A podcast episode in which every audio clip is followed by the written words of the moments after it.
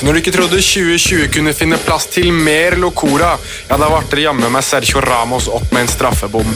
Og for å gjøre det enda mer Loca, så holdt det ikke med én straffebom.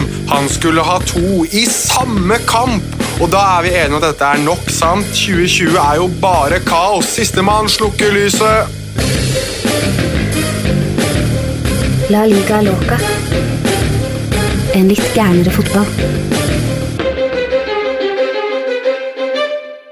Ja, ja, ja. Da er det episode nummer 139 av det ordinære slaget med ikke Magna Kvalik denne gang, men meg, Jonas Giæver, i Oslo.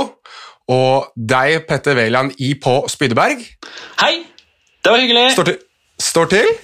Eh, ja, nå begynner det jo å eh, dra seg mot helg igjen, eh, som eh, inneholder klubbfotball og ikke landslagsfotball, så da begynner formen å stige litt. Det sier du på en mandag? Ja, vi tar det vi får. Det nei, det er, det er greit, det. Som da den trofaste lytter hører, så er ikke Magnar Kvalvik her. Det skyldes verken eh, korona eller at vi har valgt å ta ut et form for nødlandslag der kun du og jeg står igjen.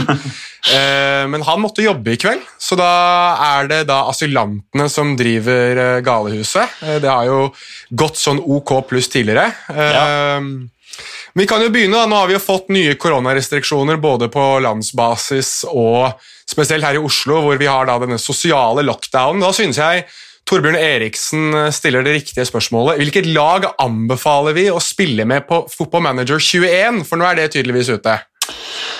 Ja, da regner jeg jo med at han eh, da allerede har valgt La Liga som eh, serien han skal holde på med, da, i og med at han spør oss. Eh, det er i alle fall der Eller Ja.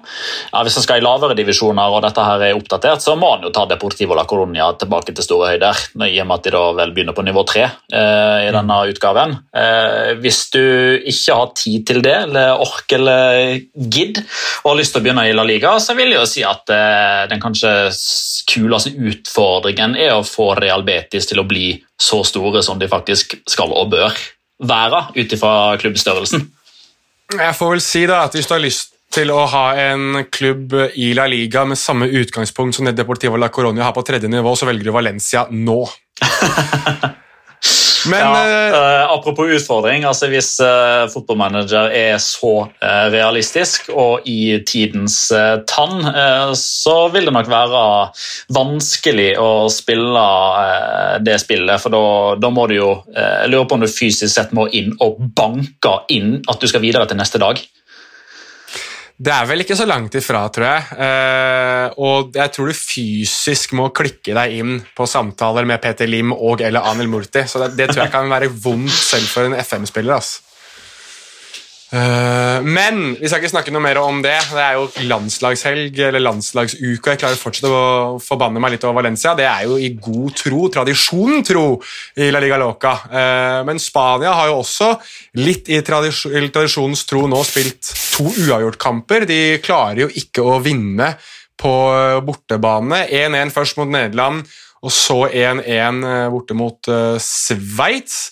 Eh, Sergio Canales med scoring mot eh, Nederland, og Dean Gerard Moreno i Villarreal med scoring mot Sveits. Unai Simon med debut for, eh, for Spania både i vennskapskamp og i Nations League. Gjorde seg selvfølgelig litt bort da mot Sveits med en ganske vanvittig utrustning som Sergio Ramos på merkverdig vis klarte å redde på, på streken. men men når du ser over disse to kampene Petter, og inn mot da, denne skjebnekampen mot Tyskland som spilles i morgen, tirsdag, eh, hva slags tanker sitter du igjen med med det du har sett av Spania?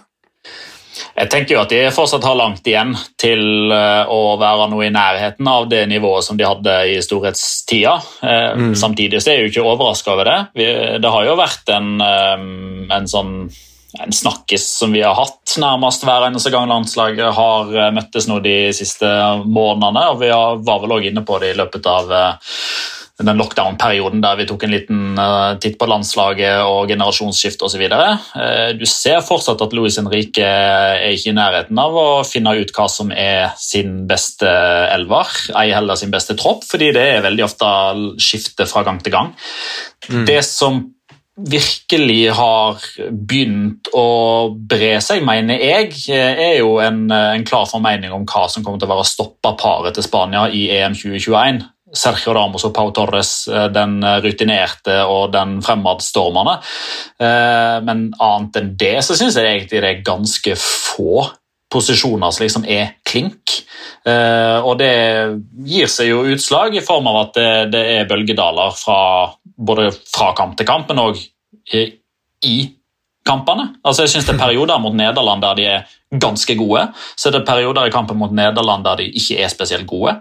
Eh, og så synes jeg jo at sett overalt så er de mye bedre enn Sveits og skaper nok sjanser, muligheter, straffespark, framprovoserer utvisning som gjør at til slutt så bør den kampen vinnes, men de klarer det ikke. Og Det er jo litt sånn symptomatisk for et lag som er satt sammen. Altså, Flaks er ikke noe som faller ned fra himmelen og treffer deg i huet. Det gjør du det fortjent til over tid. Eh, så der mangler det litt. Så eh, I og med at de da skal møte Tyskland eh, og må vinne for å vinne gruppa si, så tror jeg nok vi går en andreplass i møte på Spanias vegne i den gruppa. Nå har du jo klart å gå litt forbi kanskje det som er hovedpunktet fra den siste kampen. Ja, Du sier jo at Spania burde vinne den kampen, definitivt. og eh, man måtte vel kanskje sjekke gradestokken i helvete både én, to og tre ganger da Sergio Ramos skulle fram og ta straffespark mot Jan Sommer. Um, 25 straffespark på rad, og da inkluderer vi selvfølgelig også straffesparkkonkurranser. Uh, hadde gått i mål, og så slår Lynet ned to ganger i løpet av samme kamp. To bom, to redninger av Jan Sommer på straffespark fra Sergio Ramos. Mm. Uh, tror du et eller annet sted i Argentina så satt Martin Palermo og virkelig bare foldet hendene og sa 'please, please', et straffespark til, da, vær så snill! Ja, det, det, Der tror jeg du faktisk er inne på noe veldig relevant og ikke minst morsomt. Eh, og Luis Henrique sa jo det i etterkant av kampen om at hvis Spania hadde fått det tredje straffespark, så hadde Sergio Ramos tatt det. Han hadde til og med tatt et fjerde om han hadde bomma på det tredje. For han er Spanias straffeskytter, og sånn er det bare. Eh, men så altså, Det er jo egentlig ganske sjeldent at du har to spillere på banen samtidig som har så enorme straffestatistikker på sine skuldre. Altså, du har jo hatt liksom Jorginho, som har hatt en veldig god statistikk, Bruno Soriano i Villarreal, Max Kruse, som nettopp satte ny Bundesliga-rekord, Matt Letizier i sin tid.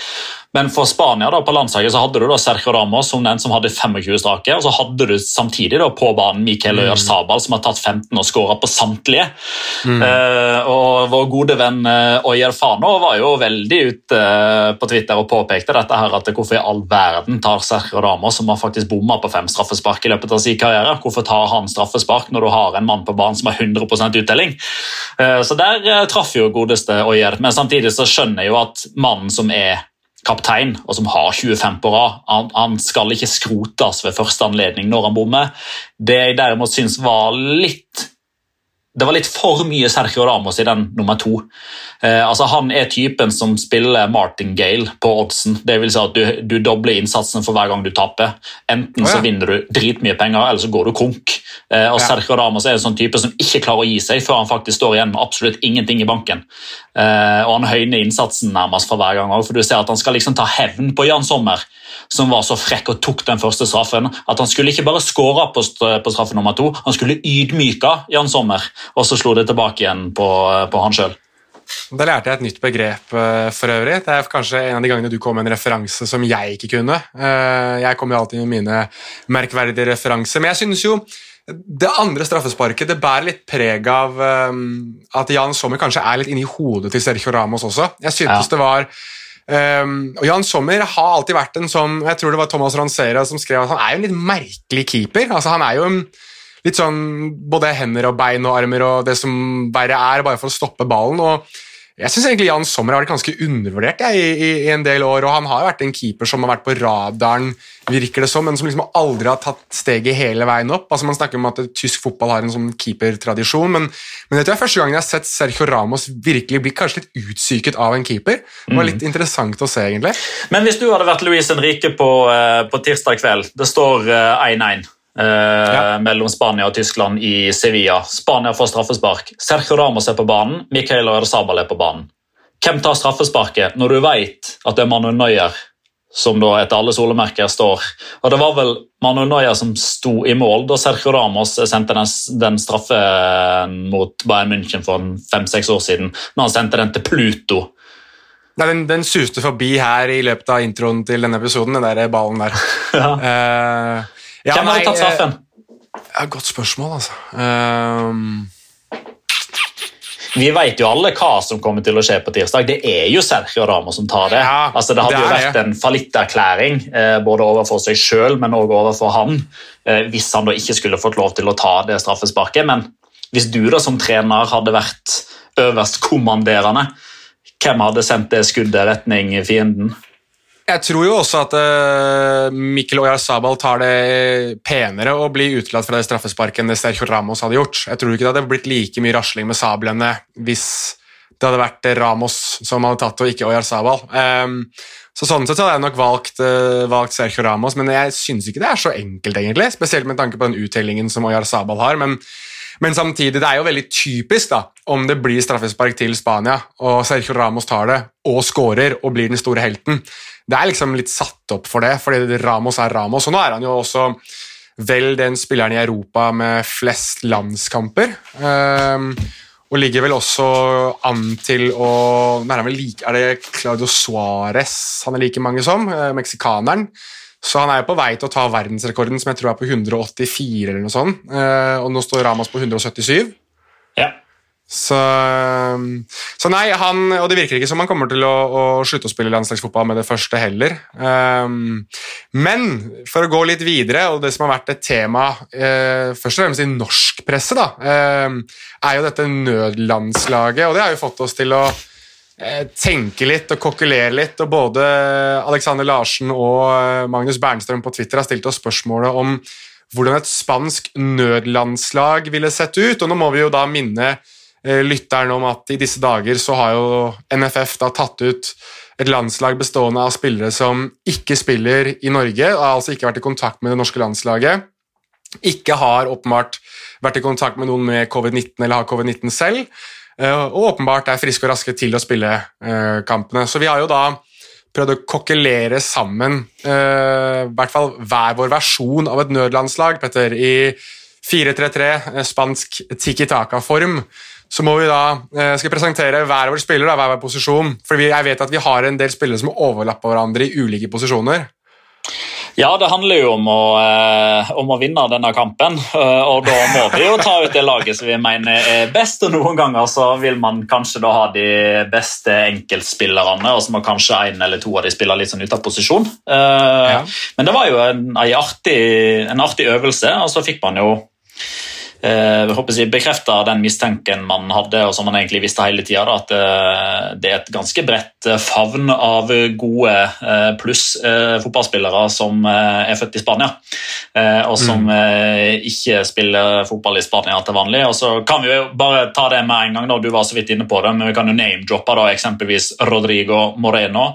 Eh, Diego Llorente og Tiago Alcantara, som på mange måter er liksom diska for å være med på laget, i og med at de ikke ble tatt ut i den opprinnelige troppen pga. Eh, henholdsvis covid, skade og skade.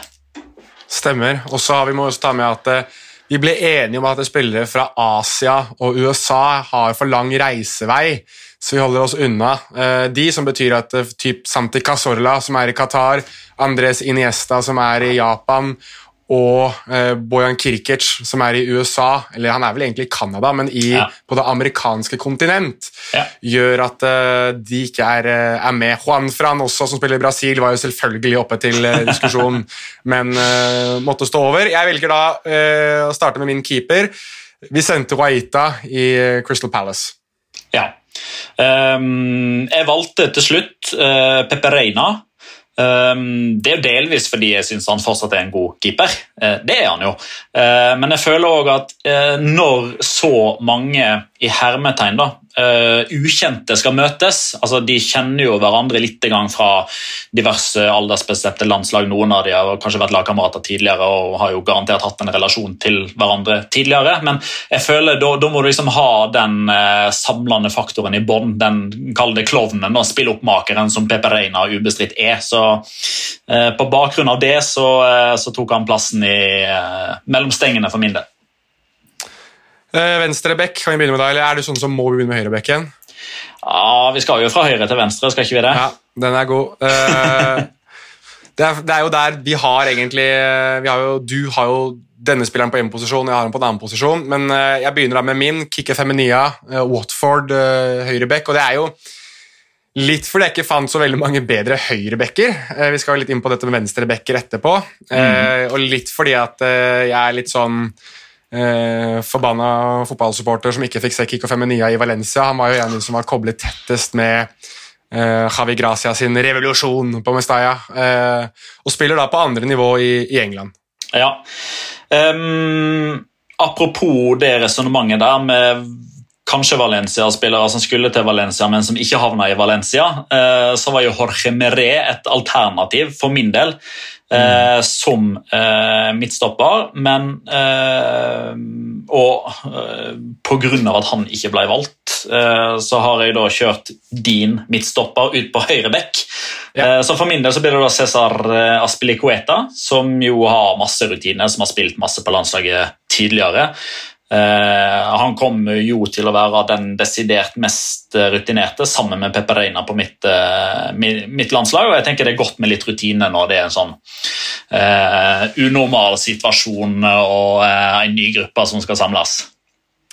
Da har du vært inne på den første midtstopperen min, Cesar Aspilicueta, og jeg vet at vi har likevel den andre midtstopperen.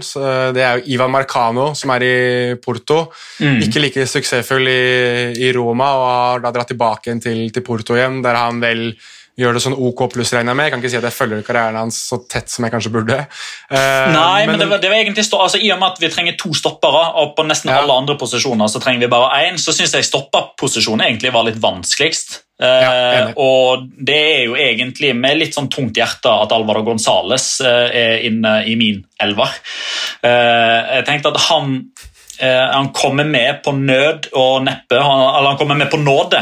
han må oppføre seg. Eh, han er den som har eh, minst eh, hjemmel for dårlig oppførsel før han blir sendt hjem. Det var for øvrig derfor Aspili Coeta ble valgt foran eksempelvis Patrick. Jeg vil ikke ha spyttere ja. i min nødlandslagstropp for, for, Spania. Og så har vi vel samme mann på venstrebekken òg, har vi ikke det? Jo, tror jeg. Det er i hvert fall Angelinho fra RB Leipzig som får plassen hos meg. Mm. Eh, det er det hos meg òg, og det betyr jo da at eh, bak José Luis Gaya og Sergio Regilon og Marco Correa, som alle har vært eh, i A-troppen denne gangen, så er det Angelinho og mm. Joan Bernat, som da han blir reserve på nødlandslaget. Og det syns jeg egentlig er litt Og Alex Grimaldo. Alex Grimaldo i Benfica i tillegg. Ja. Så det er, det, det er et vell av spanske gode venstrebacker nå, og det syns jeg er litt artig ti år etter at Spania ble verdensmester. Uh, og når den gjengse fotballinteresserte så på den elveren og ser tilbake på den elveren nå, så er det nok én mann som de tenker litt sånn Ja, stemmer det. Johan Capdevila ble verdensmester. Stemmer det. Det var mm. han som var venstreback. Og da var alle andre typ ypperste verdensklasse i sin posisjon.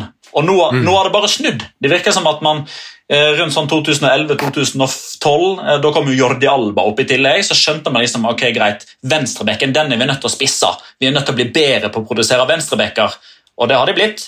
Problemet er at de har glemt resten. det har du ikke hatt, eh, hadde du ikke den gang heller, egentlig, for da spilte du med falsk nier. Uh, treeren på midtbanen, der har vi også litt ulik snacks. Uh, vi kan jo kanskje slå ring rundt Andre Rera først, fordi han har vi begge to. Ja, jeg har valgt egentlig han eh, i litt den bikkjerolla sentralt, med ja. å ha litt kontroll på de to foran. Ja, der er vi enige. Så har jeg da Luis Alberto eh, som den ene indreløperen. Jeg har han litt dypere i banen. Jeg vet at du har han litt høyere i banen. Men eh, altså Lazio sin eh, hva skal jeg kalle ham for noe? Playmaker, eh, ballfordeler. Ja. Um, en type som jeg, som jeg synes har vært ganske undervurdert. Han har jo vært i noen spanske landslagstropper og fikk det ikke helt til å stemme da han var i Sevilla, fikk ikke helt til å stemme da han var i Liverpool, men ser ut til å ha funnet seg selv veldig i italiensk fotball. Uh, men du har jo en som har begynt å finne seg selv i engelsk fotball. Ja, Pablo Fornals begynner å bruse litt med fjærene. Det kan du for så vidt si om Dani Ceballos òg. Eh, jeg synes mm. begge de to er litt sånn på oppadgående. Uh, og, uh, men så skal jeg jo være den første til å innrømme at det er litt sånn ubåtiisme i Pablo Fornals-valget. Uh, det kunne vært andre der. altså Kunne kjørt eh, Luis Alberto for eksempel, da, i den framskutte posisjonen der. Eh, men jeg falt ned på Pablo Fornals. Men der har du valgt en annen. Ja, men jeg tror faktisk jeg skal endre på ham nå. fordi i løpet av episoden så har jeg kommet på en, en spiller vi begge har glemt. Oi, Um, og som jeg er ganske sikker på at går inn på ditt lag òg. for jeg velger Jeg har jo Javi Martinez som mitt anker. Det var han jeg startet med. Mark Men vi har, jo, vi har glemt Mark Rocca. Ja, jeg vurderte han, men jeg tenkte liksom sånn at han har, han har så vidt debutert for Bayern München. Ja, men Ehm. Kom nå igjen, så god som han er. Han kan ikke, Når vi skal inn på et nødlandslag Nei, ikke engang et nødlandslag som plass til Mark Rocca. Der vi hente inn gamle Javi Martinez. Nei, nei, glem det. altså, para, paradoksalt nok, hvis jeg hadde hatt Javi Martinez opprinnelig inne i elveren min, Ja, så kunne jeg ha valgt Mark Rocca nå. Ok, ja, jeg ser den. Men uh, jeg hadde jo han i, den, i det originale laget mitt, eh, Javi Martinez, så nå endrer jeg det til Mark Roccas da får jeg midtbane med Luis Alberto, Javi Martinez, Andre Herrera, mens du har da Andre Herrera, Dani Ceballos og Paulo Fornals. Ja. Uh, foran så igjen, På høyresiden vår så er vi også enige om hvem vi skal ha på, i angrepsrekka. Det er Paulo Saravia, og der er det jo strengt tatt Du har vel snakket om det å sette seg på Sarabia-toget nå i godt og vel to sesonger. og Det, det toget har jo forlatt perrongen for lenge siden, men nå har det kanskje stoppet litt opp igjen i Paris. Så vil man kanskje regne med at det fort kan ende opp med å få ordentlig kjør igjen hvis han drar tilbake til spansk fotball, hvilket ikke virker å være fullstendig usannsynlig hvis han ikke spiller mer fotball.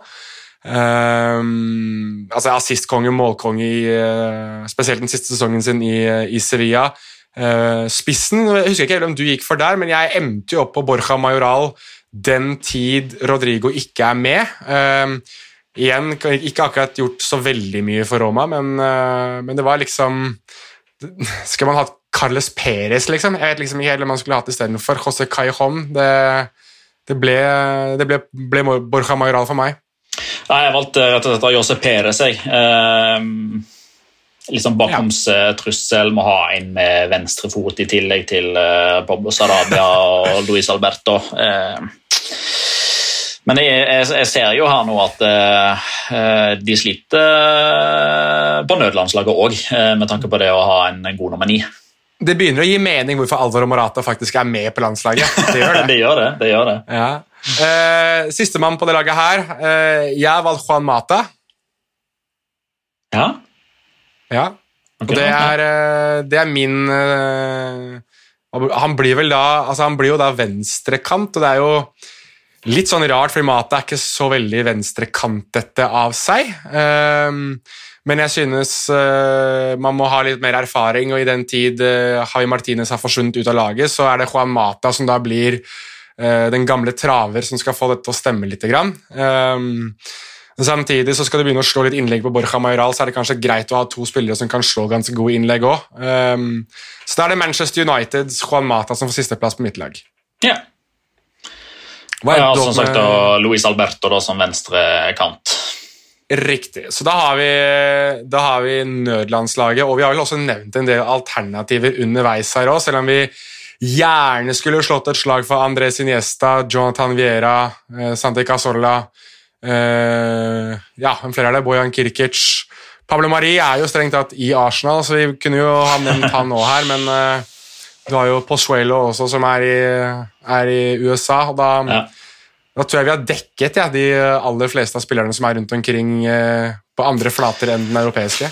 Ja, og I researchen her bare sånn veldig kjapt, så fant jeg ut at eh, hvis eh, Spania en eller annen gang eh, skulle ha spilt mot Hellas eller Kypros eh, og pga. diverse bestemmelser og karanteneregler og litt sånn, kun kunne ha spilt med spillere som til daglig spiller i Hellas eller Kypros, så hadde de faktisk klart å få nødlandslag på beina der òg. Det er mange, altså.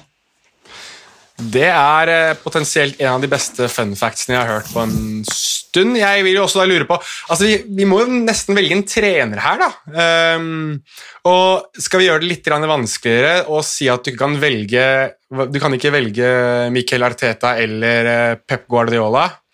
Da er det ikke så mange igjen. Er det det? Vi kunne valgt Marti Sifuente, men han får jo ikke lov til å dra ut av Norge, han heller, vel? Eh, nei, det gjør han faktisk ikke, som, som eneste spanske trener som ikke trener i Spania til vanlig. Uh, nei, hvem kan vi velge da?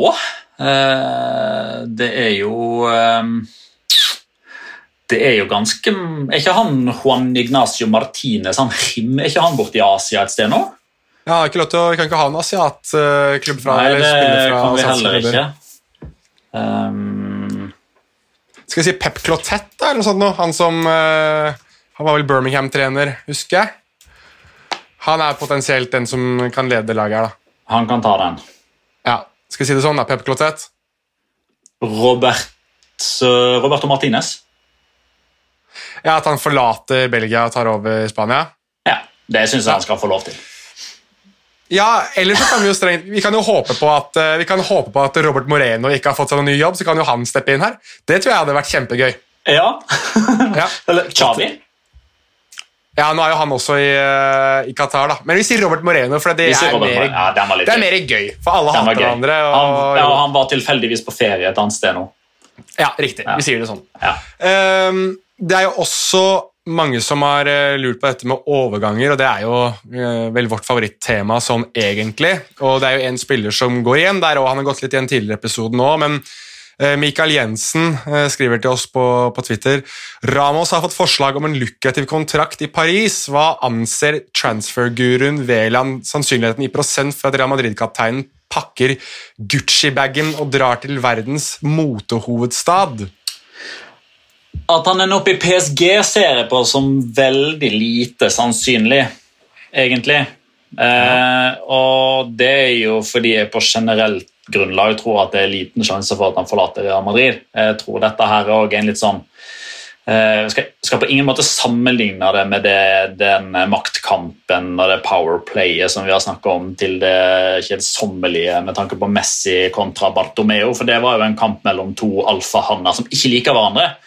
Eh, Dette her framstår for meg som en alfahannkamp mellom to alfahanner som liker hverandre. altså Sergio Ramos og Florentino Perez. Eh, og Så er det noen mellommenn og så er det noen, eh, noen krav som skal imøtegås, og så er det eh, mer sånne kosmetiske, akademiske ting, mer enn at det er generell bekymring, i hvert fall eh, fra mitt ståsted da, på vegne av Real Madrid eh, og fansen der. Jeg tror ikke det er noen reell fare for Sergio Damos forlater de.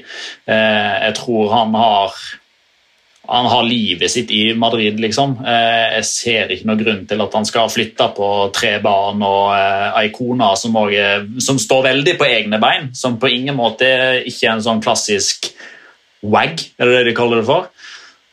Ja, Altså- wife and girlfriend. Ja. Ja, altså Pilar Rubio er jo et stort navn i, i Spania som uh, står på egne bein, holdt jeg på å si, som, som ikke bare blir med på lasset. Hun har egne meninger og sin egen karriere å ta vare på.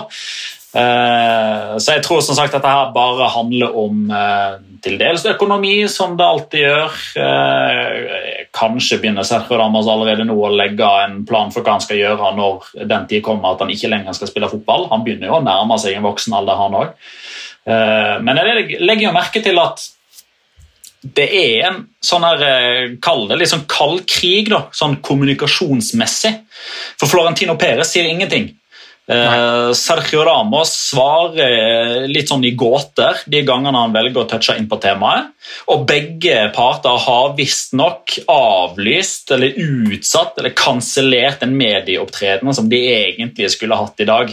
Sergio Ramos skulle egentlig ha prata på den spanske pressekonferansen i forkant av Tyskland-kampen. Han valgte eh, som kaptein å ikke snakke. De sender Rodri i stedet, fordi han skjønner at nesten all snakket som kommer på, det, på den pressekonferansen, alle spørsmålene kommer til å handle om hans kontraktsituasjon i Real Madrid. Han kan forhandle fritt med hvilken som helst annen klubb om halvannen måned.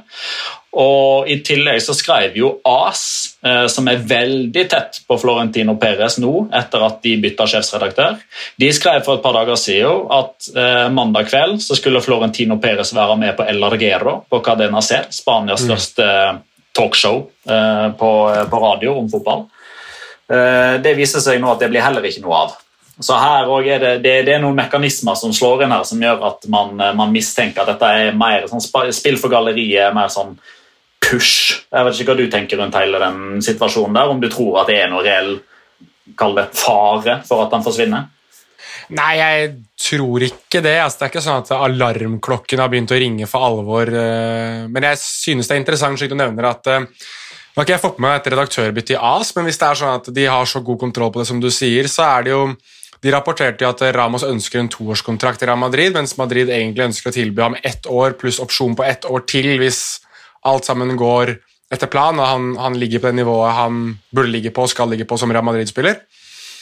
Um, men jeg noterer meg litt det du sier med at nå begynner det å gå veldig inn mot uh, vintermånedene, og det er ikke noen løsning på det ennå. Og vi vet at Sergio Ramos tidligere har vært veldig nære en overgang til Kina.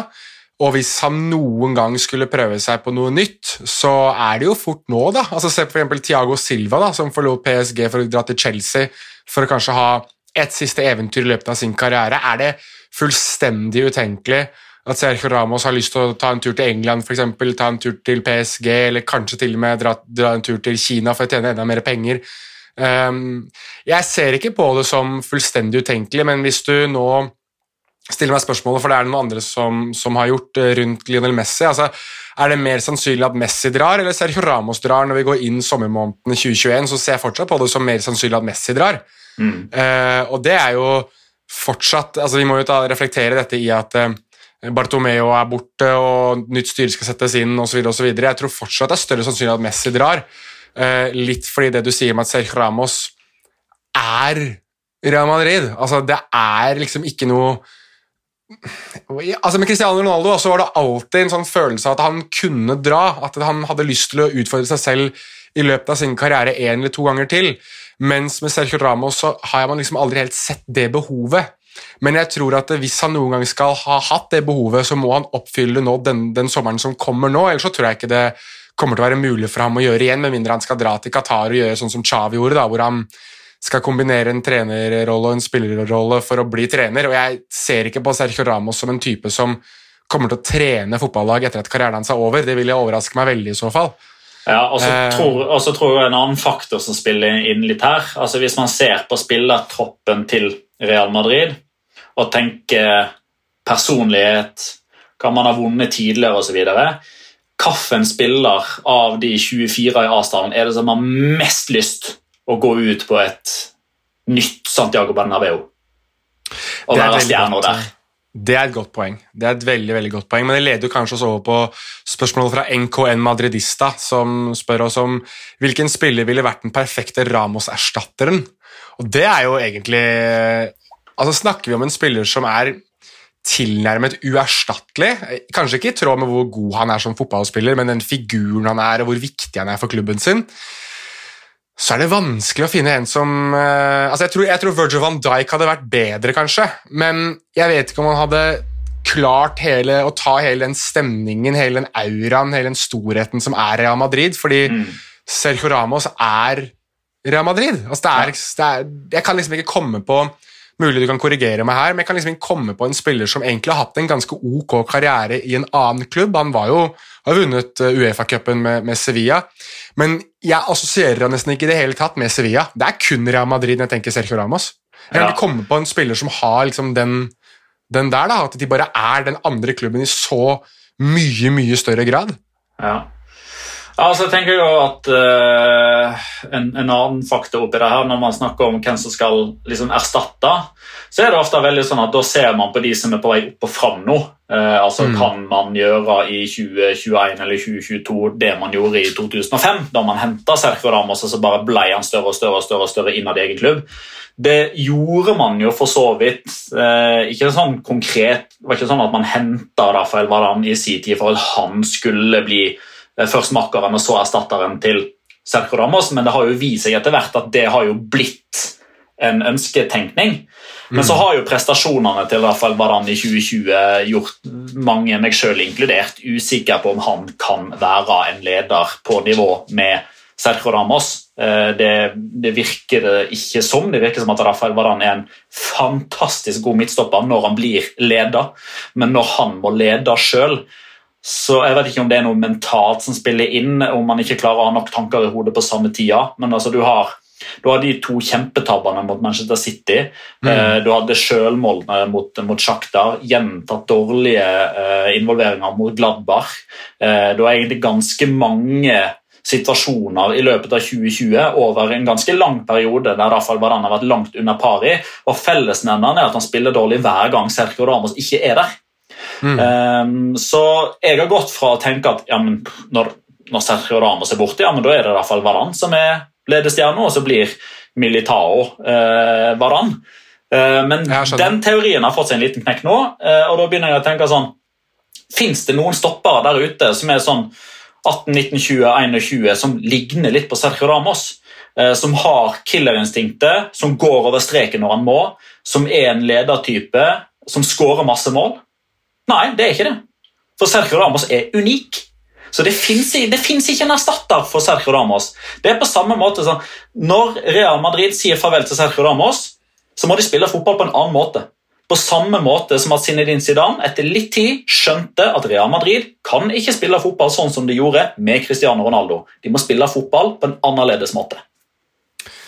Ja, jeg, Når du nevner 18-19-2021, så det, det, første navnet som slår, eh, slår, meg da, er Matais de Licht i, i Juventus. Han har litt det samme, men samtidig så må han kanskje bevise litt mer i Juventus før man har han på det, i det sjiktet der, men jeg tror at han har, han har i hvert fall personligheten som jeg tror kunne gjort at han hadde passet inn. Men, eh, men ja, nei, det, tiden, tiden, vil vise litt, men eh, at Ramos per nå virker uerstattelig, det er jeg enig med deg i, men en som uh, fort kan vise seg å uh, bli erstattet, er uh, i Barcelona. Der er det en danske ved navn Martin Braithwaite, som det vel nå blir ryktet om at det kan ofres da under et år etter at han ble hentet på, som en sånn nødløsning da Osman Dembélé ble skadet. Da han ble hentet på utkjøpsklausul fra Leganes. Nå er det rykte at han skal ofres til fordel for Memphis Depay, som uh, nesten var klar uh, i hva ble det for noe? I sist sommer, eller Oktober. Ja, gud, altså Det er overgangsrunde som vi akkurat har kommet ut av. 5. oktober var det vel det slutta? Ja, altså, Å si sist sommer blir jo feil, for det er jo ikke ja, mer altså, Vi snakker 16. november nå, så det er liksom en, akkurat en måned siden. Ja. Uh, men at han kan komme inn i januar, for han er på utgående kontrakt i Lyon, så de må vel selge i januar hvis de skal få noe for ham. Og ja. da er det Braithwaite som kan ofres. Ja, for den økonomiske situasjonen i Barcelona den er jo kjent for alle nå. Eh, der er det jo eh, hektisk møtevirksomhet som har pågått over tid for å få alle spillerne som er der nå, til å godta eh, ganske betydelig lønnsreduksjon inneværende sesong, som gjør at de skal komme i mål med budsjettene etter at inntektstapene har vært voldsomme for klubben, både på tanke på ja, feilslåtte spillerkjøp og at uh, stadionrenoveringa uh, og dette Palau Blaugrana og alt dette her, Espai Barca alt dette her har liksom gått over kostnadsrammene sine i tillegg til covid-19-pandemien. Så det er rett og slett ikke penger til å hente Memphis Depay i januar, med mindre man klarer å shippe ut noen, enten i form av uh, å få en overgangssum eller uh, bli kvitt lønninger. og nå er jo ikke AS nødvendigvis de som sitter på mest inside information om Barcelona, men vi kan jo bare ta med i, eh, i hele bøtteballetten der at de mener at det er, det er ikke usannsynlig at opp mot fire Barcelona-spillere må ut i januar for at de i det hele tatt skal få råd til Memphis Depay og eller Erik Garcia. Ja, for Erik Garcia er jo midtstopperen de ønsker, og det er vel snakk om at dersom de ikke får ham på billigsalg igjen Han har jo på utgående kontrakt fra Manchester City, han også. Eh, hvis ikke de får han i januar, så kan det jo være at de går for en form for nødløsning igjen, eller prøver å finne en eller annen billig løsning inntil de får ham, eh, ham inn til neste sommer. Ja, øh, og da fins det jo ja, ja, det er bare å ja, ja, bare ta telefonen til Petter Lind det å ringe, så får du et eller annet billig der. Jeg tipper at, Gabriel Paulista, da? Gabriel Palista til to millioner euro eller et eller annet sånt nå. Gi bort pris. Det er jo så typisk. Det hadde ikke overrasket meg overhodet om det er eh, det som blir løsninga. Eventuelt så kan det jo være Det hadde nesten vært litt moro hvis de skal ha en nødløsning og gå for Esekiel Garay da, på en type seks måneders avtale. Ja, for han er vel fortsatt uten klubb? Jeg tror det. Jeg, ikke, jeg skal ærlig innrømme at det koster meg litt følelsesmessig å søke opp på hva han driver med om dagen. fordi Det så, altså det Hele den situasjonen der er så sørgelig. Hele Valencia er jo sørgelig, men, men den situasjonen der samt Dani Parejo er jo to sørgelige situasjoner. Uh, så anbefaler jeg ingen å sjekke Instagrammen til uh, Garay, for mens vi er inne på sørgeligheter, så er det er sørgelige greier. altså. Instagram ja, skal jeg inn og sjekke etterpå. Uh, ja, men uh, det kan ikke. Kan, ikke, kan, du ikke bare spørre Nei, da må jeg faktisk arrestere deg. Eh, den verste Instagram-profilen som fins, og dette er vondt for meg å si, det er Daverson. Fy faen for mye vas som kommer der, altså. Altså, Jeg er så lei av han der Matheos understrek 84 som han driver og re-Instagram, eller hva faen det heter. Jeg gjør det hele tida! Jeg får, jeg får notifications fra Instagram om hva som skjer der. og hver gang det lyser opp og det står liksom sånn at jeg har fått notification fra Instagram, for jeg får jo ikke opp det, jeg må liksom se på skjermen for å se hva det er. egentlig. Og jeg veit at sånn typ 80% av gangene så står det Davidson har startet en direktesending. Eh, ja. Det er hver eneste gang. Og det er sånn, det er bare ræl og tull og fjas. Ja. Det er, så... Nei, det er bare vas. Men kan ikke Barcelona bare ringe Javier Mascherano og spørre om han kan utsette uh, opplegginga si et halvt års tid? Ja, han har jo lagt opp, han òg. Um, og han var jo Det var et spørsmål om, om han er topp ti signeringer for Barcelona i hvert fall siste hva blir det for noe? Siste tolv åra? Elleve åra? Kom ikke han i 2009 eller noe sånt? Um, og ja, hvis, du regner, hvis, du regner, fra 2009, så er han definitivt topp ti, for det er ganske ja. dritt som har kommet i løpet av den tida der. Uh. Jeg tror, jeg tror, nesten vi må en eller annen gang må lage en sånn topp ti dårligste signeringer for Barcelona. For der tror jeg du finner mye spennende. Ja. Uh, men i hvert fall uh, De kan jo for så vidt gjøre det, men uh, jeg tror nok Jeg tror det, det hadde gjort Lionel Messi veldig glad. Men mm. jeg vet liksom ikke om det hadde gjort resultatene noe spesielt bedre at en sånn gammel, sliten Javier Mascherano hadde tatt turen inn der. Men mens jeg er inne på gamle og slitne, så er jo Celta Vigo har jo gravd opp uh, FM, FM 2010 og begynt å lete etter hvem som var gode på det spillet der. Fordi Chacha Kodé, som nå offisielt er klar, kobles jo nå med overganger for Maro Manchukic og Pato. Type Alexandre? Alexander Pato, liksom. Det, ja. altså, det Men du sånn... fant vel ut at uh, Pato har hatt Kodé som trener? Nei, jeg blandet dem. Jeg blandet med en annen argentiner. Uh, men, men, det hadde jo de, altså, Det hadde ikke gitt noe mening uansett. Jeg vet at uh, Pato er vel fortsatt på, på, jakt etter ny klubb, og jeg tror han ble koblet med for det Birmingham har, Dette er andre gangen jeg har nevnt Birmingham i denne episoden. Det er ganske sykt sånn, egentlig. Men det var Birmingham jeg så han var kobla med. og ja. eh, Maro Mandzukic har vel ikke fått å stemme etter at han dro til Saudi-Arabia, Qatar, et eller annet sånt noe. Ja. Men så det er jo en annen link der mellom Pato og KD som kan være årsaken til at det har vært en liten twist der. For det var jo eh, Sportklubb Internasjonal han ja. det kom fra. Det er jo klubben til Pato fra barndommen av. Ja. ja.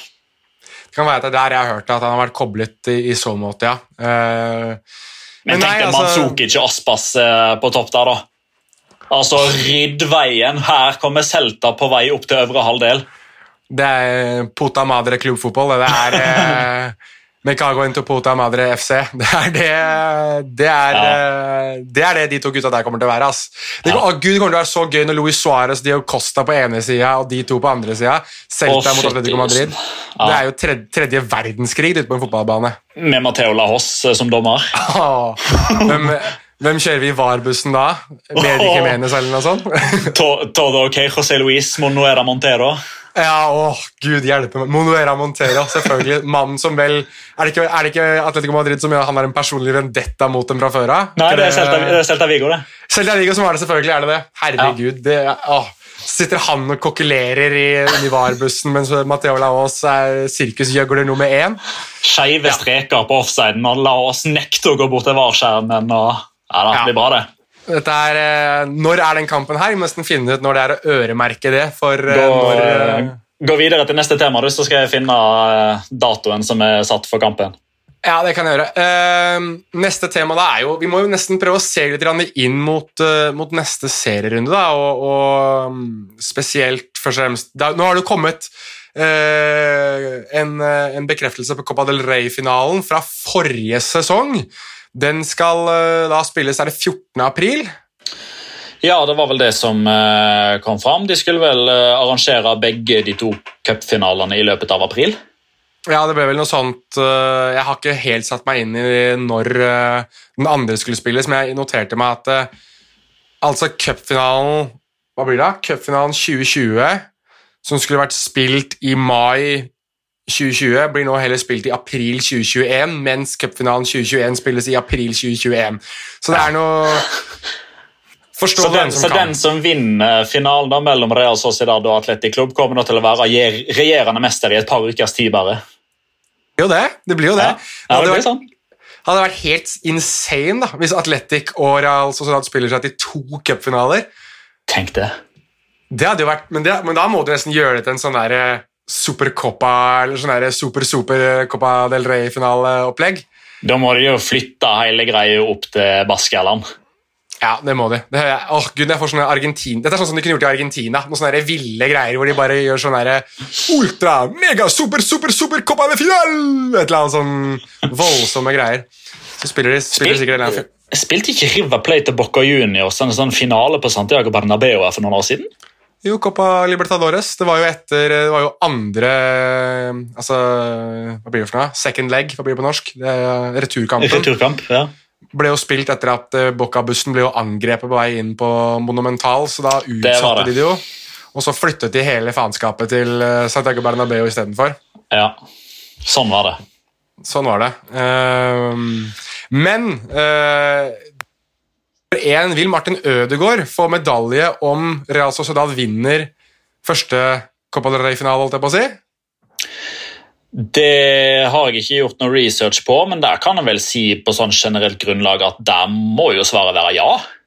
Jeg vil jo tro det. jeg vil jo litt... tro det, for de kan jo ikke vinne finalen uten å ta seg dit. Og han har jo både spilt og assistert og skåra, så det mm. regner jeg med.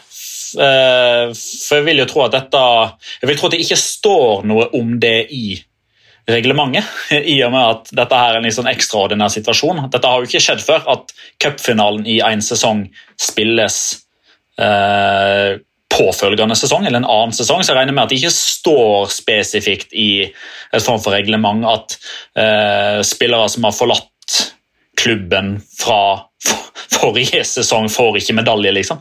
Så der, der, regner jeg med at Er ikke litt sånn i Norge da, at der får x antall eh, personer i klubben får medalje, så er det opp til klubben sjøl å bestemme hvem som får det?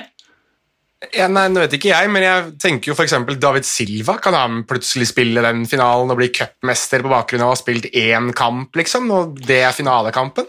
Det kan han. Ja, nei, ja. Eh, det er jeg ganske sikker på, men det, dette er jo sånn som vi antageligvis uh, lar gode spanske journalister finne ut for oss uh, inn mot kamp. Det er interessant da, i seg selv. Det, kommer til å bli et sånn pubquiz-spørsmål. det, sånn, Hvem var det som kun spilte finale, men ingen annen kamp det året og ble spansk cupmester, liksom? Det kan jo... Ja. Det er han og Alex Berenguer da, som er de to som man må se opp for kanskje først. Ja. Um, men for å holde oss på Martin Ødegaard Nå skulle Real Madrid ha hatt trening nå eh, litt over klokken fem. Klokken er jo nå seks den 16. november. Um, og det er jo mange som har lurt på om Martin Ødegaard kan spille Real Madrids kamp mot Villarreal, som egentlig bare blir viktigere og viktigere, eh, virker det som. Mm. Um, og den tid han ikke er tatt ut på det norske nødlandslaget Det var jo rykter om at han kanskje vil være med der, så er jo spørsmålet har han dukket opp på Real Madrid-trening. Det har ikke kommet noen uh, rapporter i verken bekreftende eller avkreftende retning. Uh, som sagt så skulle treninga starte klokka sju. I god spansk ånd så starta Nei, klokka fem, sier jeg. Eller mener jeg. men i god spansk ånd så starta jo ikke den treninga klokka fem. den ble jo litt utsatt, og så er det bare starten som er åpen for, for presset i bare sånn fem-ti minutter. jeg regner jo med at Real Madrid eh, sin nettside kommer til å legge ut som form for galleri fra treningsøkta når den er ferdig, sånn som de alltid gjør.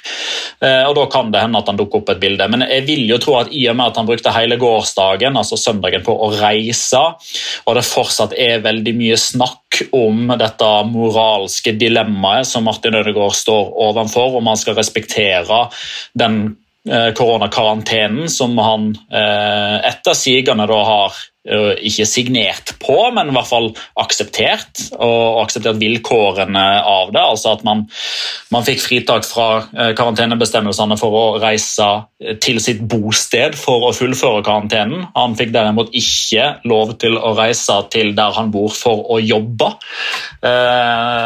Men så har jo både Elden og Klavenes og eh, forskjellige personer som kan dette, har jo uttalt eh, ting i eh, både ene og andre retninger. og Det virker som at Martin Ødegaard ikke løper noe risiko for å bli straffeforfulgt hvis han velger å, gå, å bryte den karantenen i sitt eh, bosted, altså ved sitt bosted, som altså da er i Spania. For så, så fort han kommer på spansk jord, så er det spansk lov som teller, og han har spansk arbeidsgiver som òg har sine lover og regler å følge. Altså, jeg vil tro at Martin Ødegaard kommer til å trene med Real Madrid denne uka. her. Jeg regner med at han kommer til å være i kamptroppen mot Villarreal og være tilgjengelig, men jeg vil tro at det sitter langt inne for han å gjøre det, i og med at det blir et sånn etisk dilemma. Ja, nettopp.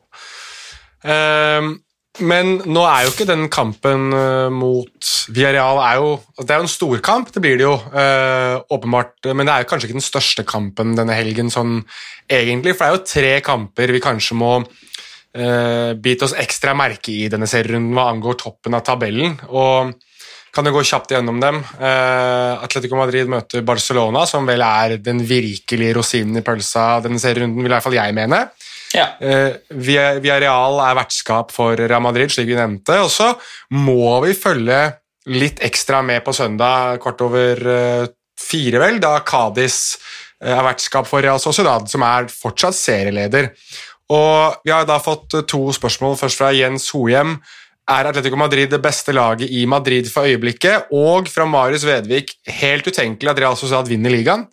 Og jeg må jo først og fremst si at hvis går i favør Real Sociedad, altså hvis det blir uavgjort mellom Atletico Madrid og Barcelona, hvilket ikke er helt utenkelig, og eh, Real Madrid og Villarreal spiller uavgjort, hvilket heller ikke er helt utenkelig, og Real Sociedad vinner mot Cádiz, hvilket heller ikke er helt utenkelig, så har det en luke på fire poeng ned til Villarreal på andreplass. Uh, og en luke ned på fem poeng til Atletico Madrid, seks poeng til Real Madrid. Um, da begynner det å se ganske interessant ut.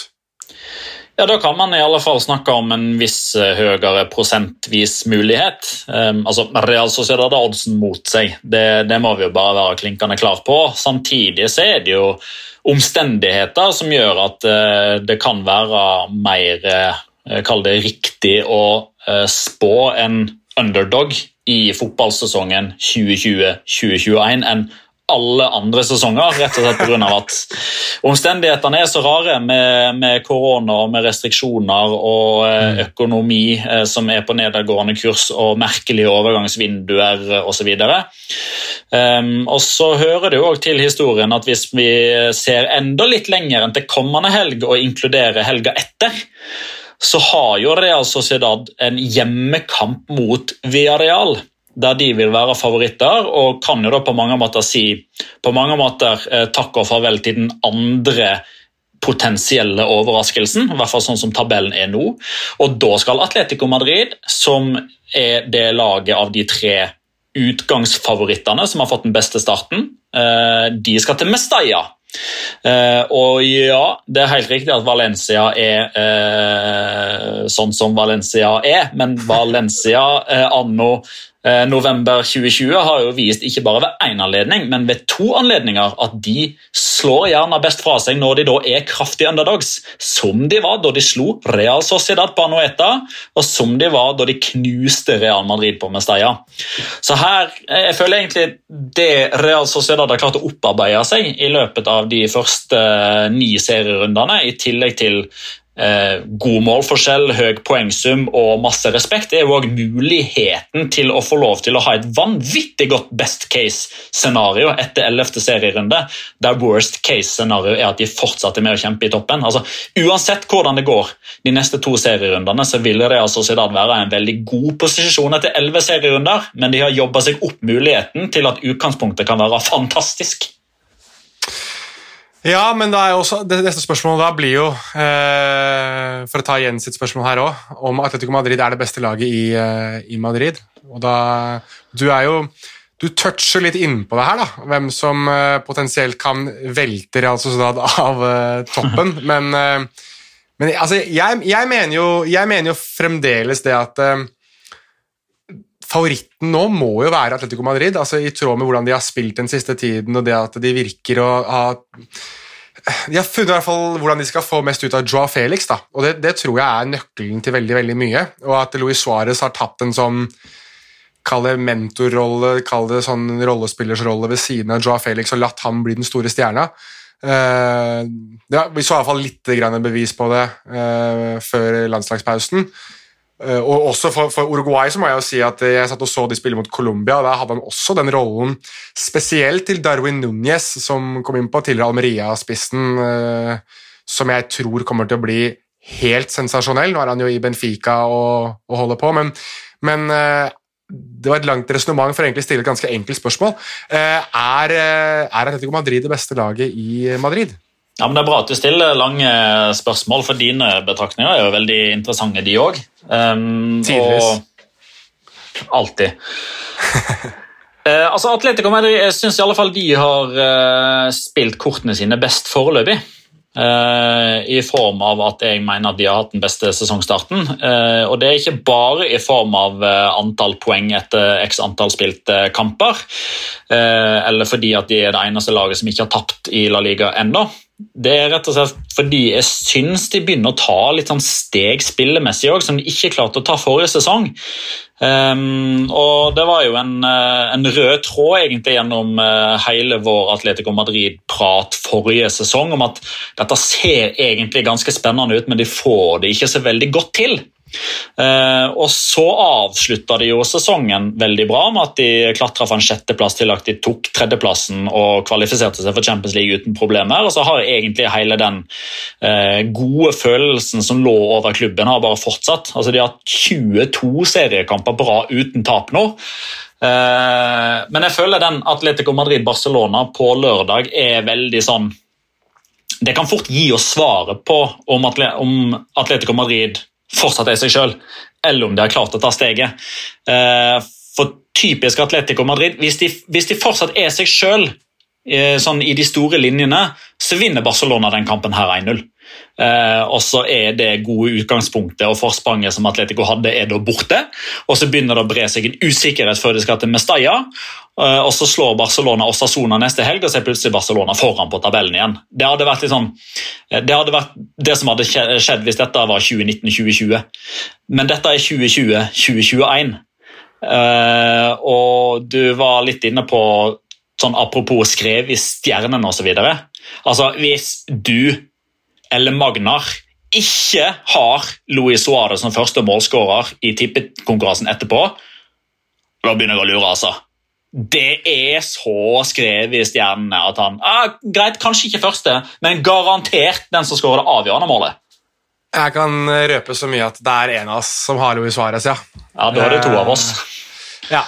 ja. Eh, det er greit å vite, men helt på tampen her nå, siden jeg eh, Vi har jo egentlig gjort det til en sånn liten tradisjon når det har vært landslagspause, eh, å snakke bitte lite grann om eh, Segunda.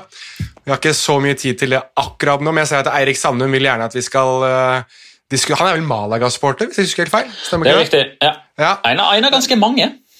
Ja, de begynner å bli ganske mange, og det er egentlig ganske kult. Og det er egentlig ganske synd at de spiller i Segunda, og egentlig så håper vi sikkert på at de egentlig hadde spilt i Primera, egentlig.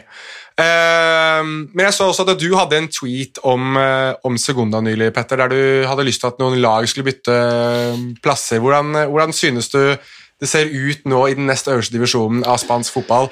Og også i eh, skrivende, snakkende stund så ligger faktisk Saragossa på en av nedrykksplassene.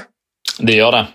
Det er årsaken til at jeg ikke hadde svart ja eh, hvis jeg hadde fått muligheten til å bare fryse sekundersesongen nå. Sånn blir det! Stopp! Jeg skal ikke kjøre noen sånn stop the count-variant på sekundatabellene. og Det er utelukkende pga. at Real Saragossa ligger på nedrykksplassen. Det kan vi ikke ha noe av. Men resten av tabellen syns jeg er et ganske ålreit skue. Altså. Skulle det vært helt perfekt, så hadde vi mana opp Malaga og kanskje også Las Palmas for å få de mm. gode, gamle feriedestinasjonene tilbake igjen. Det er jo bl.a. derfor det er ganske mange norske Malaga-supportere. fordi det er mm. veldig mange som ferierer og har feriehus eh, på den spanske solkysten. og ja, Granca, Arginegin og Puerto Banoso, you name it, eh, for Las Palmas eh, sin del. Men akkurat nå da, så er det jo Español, Mallorca og Sporting Gijon. Og det er jo tre store klubber. Eh, Español og Mallorca rykka ned forrige sesong og la vel for så vidt ikke inn sånn feststemning-søknad eh, i sin tur på vei ned til Segunda. Men eh, Mallorca da får man jo i alle fall den kombinasjonen med ferie og fotball som, er, som kan være viktig for ganske mange. Hvis de vil ha med seg en eh, ikke-fotballinteressert eh, andre slash bedre halvdel på tur, så kan man eh, få litt eh, sol på stranda der, eller party i Magaluf eller whatever man vil.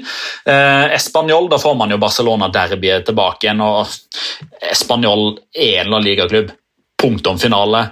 Eh, og Sporting Crijón når fansen kommer tilbake igjen, ikke hvis, men når fansen kommer tilbake igjen, så er det få som lager mer leven enn eh, Sporting Crijón på, eh, på El Molinon. Eh, så de tre opp hadde jeg overhodet ikke vært misfornøyd med. Så får vi håpe at uh, Deportivo la Coronia snart uh, er tilbake nå. De ligger på førsteplass i sin gruppe i Segunda B. Um, så kan jeg ikke Jeg vet at det er et lite helvete det å rykke opp fra, fra Segunda B, så vi får nå se om det går deres vei. Men jeg vet at uh, Manuel, snakker... blant annet, som hører på, han, han, koser seg nok med at de er ubeseiret. Tre seire og én uavgjort etter de første fire seriekampene. Ja, der snakker vi Nations League opphøyd i Nations League. Eh, hva angår det å forstå hvem som til slutt rykker opp?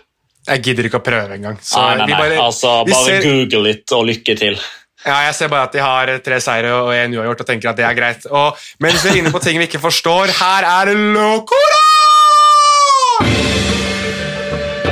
Ukens La Liga Locura. La Liga Locura. Ja, Vil du uh, starte? Ja, Jeg kan ta en uh, ganske kort en. Uh, I forbindelse med dagens, gårsdagens, hvis du hører dette på en tirsdag, mandagens Copa del Rey-trekning. -hmm. For nå skal jo de små lagene rundt om det spanske land få besøk av La Liga-klubbene, med unntak av de fire klubbene som spiller Supercopa i Saudi-Arabia. Eh, Atletic, Barcelona, Real Madrid og Real Sociedad. De andre 16 har fått motstandere, eh, bl.a. Eh, Retafe. Eh, de skal møte Anaitasona, eh, som jeg må gjøre litt research på for å vite hvem er. Eh, det hørtes veldig baskisk ut. Det er baskisk, det er helt riktig. Uh, Gol eh, TV, den spanske TV-kanalen, uh, hadde jo reportere rundt om hos alle disse små klubbene som visste at de kom til å få besøk av et stort lag, bare ikke hvem. og Reporteren spurte da uh, Anaitasona-kapteinen hvordan de skulle forberede seg til møtet med Retafe. Hva føler du nå når det er klart at dere skal møte Retafe? Og svaret var vi stiller med leggskinn. Woohoo! Der har du det. Der har du det. Fantastisk. Nei, jeg har um, uh, Det har vært et innspill til uh, Atla Liga Loca pod-kontoen, som jeg håper alle følger på, på Twitter, fra Eirik Koren, som uh, har sendt altså Det er noe av det villeste jeg har lest på veldig, veldig lenge. Um, og Første tweeten her var jo da uh, Javi Poves har vel i hvert fall én La Liga-kamp, så, leg så, legger man godvilja til, har han en form for La Liga-relevans. Og nummer to, vi ber vel om at hans nye LIS-prosjekt aldri finner veien mot høyere divisjoner. Og nå stiller vel uh, du som lytter spørsmålet hva er dette nye prosjektet? Det er klubben Flat Earth FC. Og Da går jeg tilbake igjen til en tweet som uh, Eirik Horen hadde 15.11., altså i går søndag, um, i, uh, i, snakkende stund, der han skriver kan slå fast at Flat Earth FC klarte å forsvare seg inn til 1-0-seier. Laget fra Madrid befester serieledelsen i Tercera gruppe 7. Flat Earth FC heter de fordi, ja, nettopp derfor. 2020 er selvfølgelig året hvor lag inspirert av konspirasjonsteorier rykker opp. Og de ligger da altså på øverste Eh, altså De er nummer én i sin liga på fjerde nivå i Spania, altså Tercera gruppe syv. Og jeg måtte gjøre litt research, da, for jeg, jeg, jeg blir jo satt, litt sånn satt ut av ting som det her. og altså Havi Poves har da én La Liga-kamp. Det er kun én, og det er et innhopp i siste serierunde i 2010-2011-sesongen for Sporting Gijon, da mot Ercoles. Og Det sier sitt hvor, lang tid det er siden. Kampen endte altså 0-0. Han valgte å legge opp i 2011 fordi først og fremst han nektet å ha bankkonto. Og han nektet å ta imot en gratis bil fra Sporting fordi han mente at fotballen kun dreide seg om kapitalisme. Så Da han ble eh, president for Mostoles Ballompie i 2016, så valgte han å endre navn på klubben da til Flat Earth FC. Og Her må jeg korrigere Eirik litt, for han sier at laget fra Madrid Nei, de er ikke et lag fra Madrid lenger. De er ikke et lag som definerer seg selv etter destinasjonen overhodet. De er en klubb som definerer seg etter idé. Fordi på deres egen hjemmeside så er da eh, Ingressen på siden er «The first football club in the world that strives to reveal the truth of the world we live in». De mener altså helt seriøst at verden er flat. Ballen er rund, verden er flat, og 2020 har gått helt av skaftet. Der har du tittelen til denne episoden. Yes. Er, ja, det Jeg blir jo ikke overraska over at uh, dette laget her topper en, uh, en tercera-divisjon i Spania. Nei, altså, men, men, jeg mener jo strengt at det at Han sier jo da at godeste Pove sier at målet deres er jo å nå Champions League. For de skal jo selvfølgelig nå ut til flest mulig med deres budskap om at uh, vi tråkker da på en seismisk pannekake, alle mann. Um, og da tror jeg rett og slett vi går videre til tippinga, for jeg tror ikke det er noe mer å si på det her.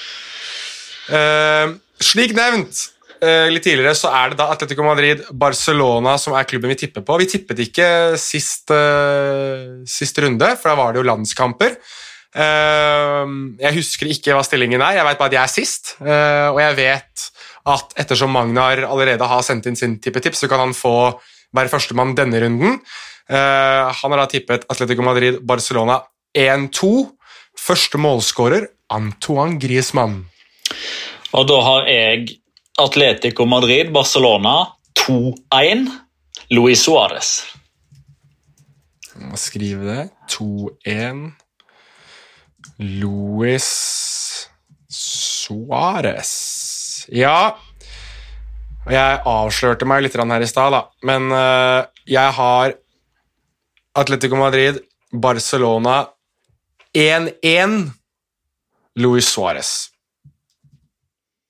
Skal vi se, skal vi bare notere det ned. Dette sendes jo da selvfølgelig som en sånn der statshemmelighet til uh, Magnar Kvalik, som da sitter og kokulerer og regner ut disse straffene og hvordan ting skal gjennomføres. Jeg har jo selvfølgelig ikke gjennomført noen av de straffene jeg har fått. Ene pga. en dårlig hamstring, og andre fordi jeg ikke har fått noen gode ideer.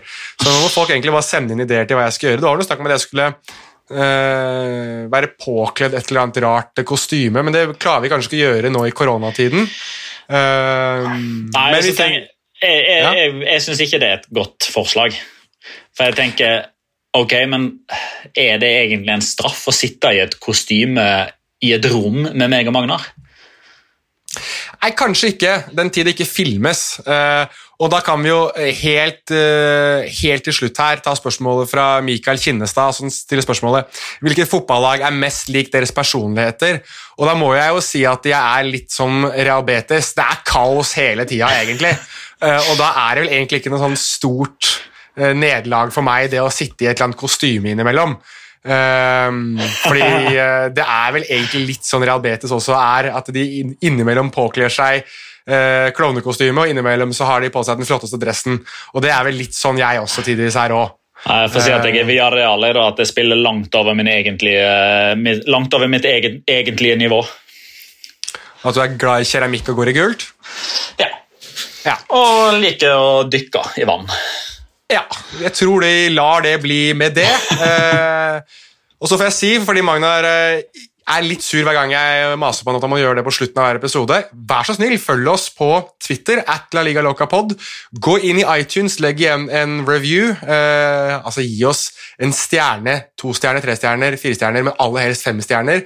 Skriv en liten kommentar. Det hjelper jo oss med å nå ut til enda flere. Nå har vi jo til og med blitt highlightet av Spotify på deres sånn podcaster dere må høre på. Så nå, nå er vi virkelig i vinden, så nå må dere hjelpe oss med å bare holde oss uh, flytende, flyvende og alt annet uh, som uh, vi kan bruke elementene våre til. Og så helt til slutt vil jeg si tusen takk for at du lyttet, kjære lytter. Ha det, da!